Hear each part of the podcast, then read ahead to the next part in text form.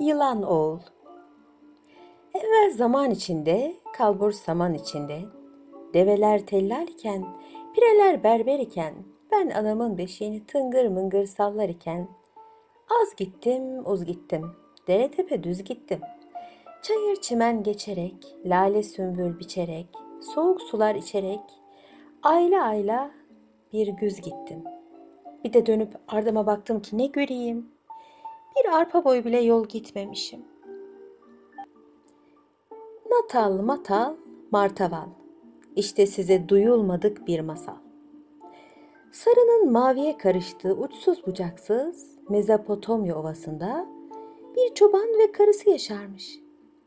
Birbirlerini çok seven bu çiftin çocukları olmazmış. Her gece Tanrı'ya yakarırlarmış karı koca. Allah'ım bize bir evlat ver diye. Günlerden bir gün çoban ve karısının duaları kabul olmuş. Kadın hamile kalmış. Her ikisi de evlatları olacağı için çok ama çok sevinmişler. Gel zaman git zaman artık doğum zamanı gelmiş. Fakat o da ne? Çobanın karısı bir yılan oğuldu dünyaya getirmiş. Karı koca bu işe çok şaşırmışlar tabii. Ama elden ne gelir?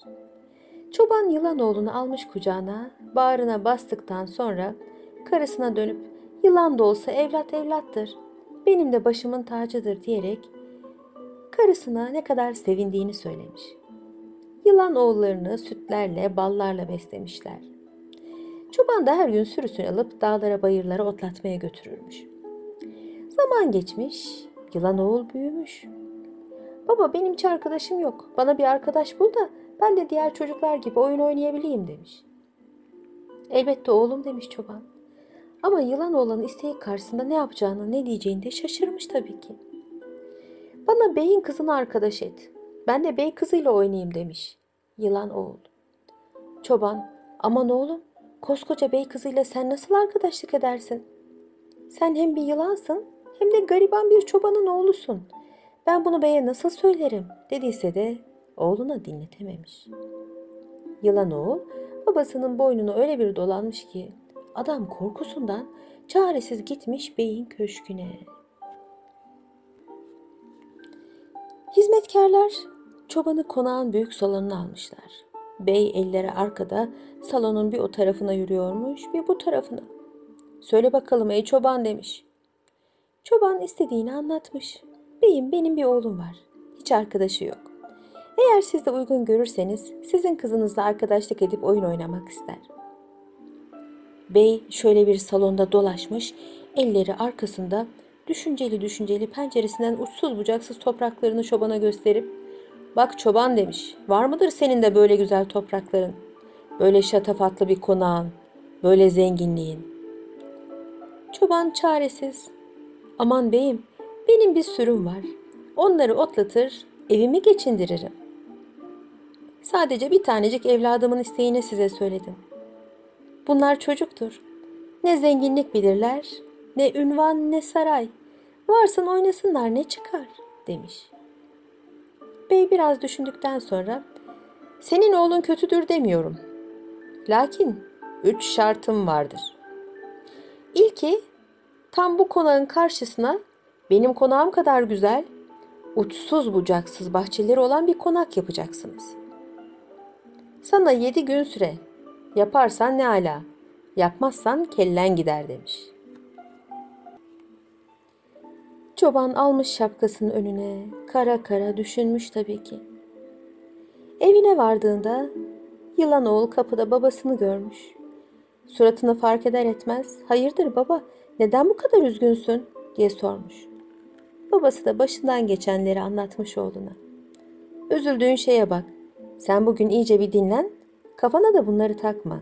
Yarın ola hayrola demiş yılan oğul. Çobanın gözüne bir damla uyku girmemiş tabii ki. Gecenin sabaha dönen saatinde karısını uyandırmış. Kalk kaçalım buradan demiş. Ben kim, konak yaptırmak kim? Bey benim kellemi vurmadan buradan kaçmalıyız. Karısı eşya bile almadan bir bohça hazırlamaya çalışmış. Çoban ve oğluyla birlikte düşmüşler yollara. Tam beyin konağının yanından geçerlerken ne görsünler? Bey konağının aynısından bir konak daha. Hem de tam karşısında. Yılan olan babasına.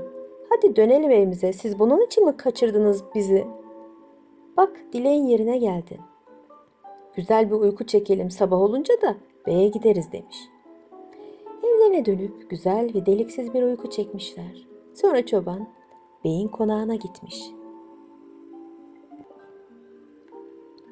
Bey sabah gördüğü manzara karşısında şaşkınlıktan küçük dilini yutacakmış az kalsın. Çoban, seni gözümde fazla küçümsemişim.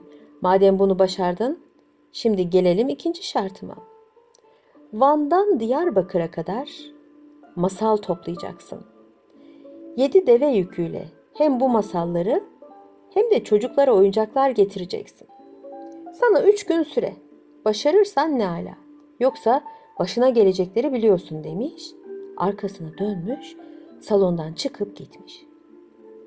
Çoban yine dertli dertli. Van nerede? Mardin nerede? Diyarbakır nerede?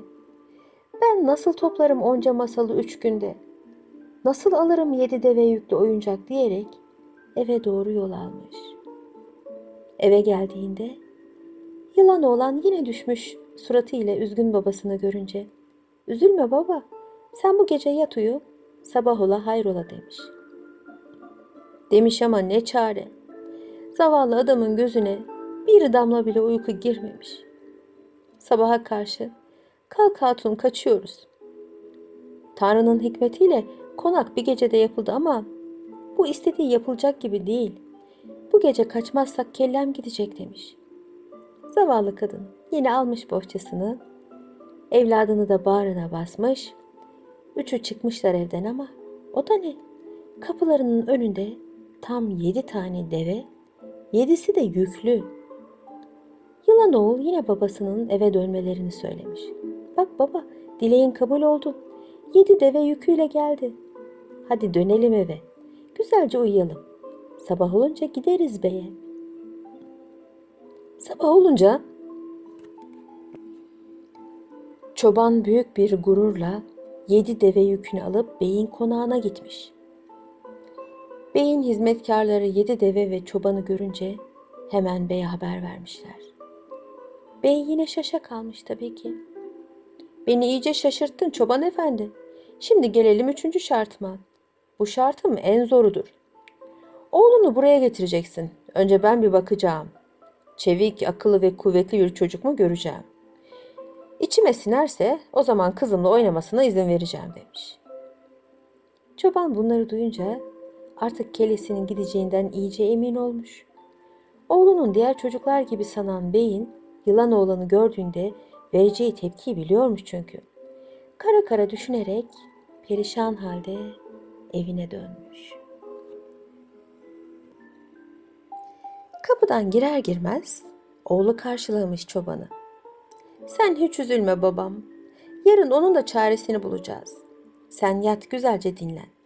Sabah ola, hayrola demiş. Sabaha kadar çobanın gözüne uyku girer mi? Girmez elbet. Ama bu kez kaçacak halde de değillermiş. Ertesi gün uykusuzluktan perişan çoban yılanoğlunu heybesine almış, beyin konağına varmış. Bey salonda elleri arkasında endişeyle bir sağa bir sola volta atıyormuş. Çobanı yalnız görünce şaşırmış. Hani oğlun? Çoban efendi oğlun nerede? Biliyorsun oğlunu getirmediysen kellen gene gidecek. Çoban heybesinden yılan oğlunu çıkarmış. Yılan sürünerek salonun ortasına gitmiş. Bey yılanı görünce feryat figan bağırmış, emrindekilere korkuyla seslenmiş. Çabuk demiş şu yılanı yakalayın. Seni hain çoban, demek beni zehirlemeye çalışırsın ha? Tabii ki ikisini de yakalamışlar. Ama bu sırada hiç beklenmeyen bir şey olmuş. Beyin kızı yılana yaklaşmış, başını sevgiyle okşamış. Sen ne güzel bir şeysin babacığım. Lütfen onunla oynamama izin ver demiş küçük kız. Derken başı okşanan yılan bir anda yedi kat derisinden sıyrılmaya, sıyrıldıkça da içinden gerçek bir çocuk çıkmaya başlamış. Herkesin şaşkın bakışları karşısında yılan oğlan beyin yanına giderek kimseyi dış görünüşüne göre yargılama beyin, içindeki iyiliği ancak içi iyiler görür demiş. Böylece küçük kız da yılan olan develerle gelen masallar ve oyuncaklar eşliğinde oynamaya başlamışlar günlerce. O günden sonra da acımasızlığıyla ünlü bey çok sevecen bir adama dönüşmüş. Halkına hep iyilikler etmiş. Gökten üç elma düşmüş. Biri içi sevgi dolu olanlara, biri bu masalı anlatanlara, diğerini de radyoyu dinleyen o güzel gözleri olan çocuklara.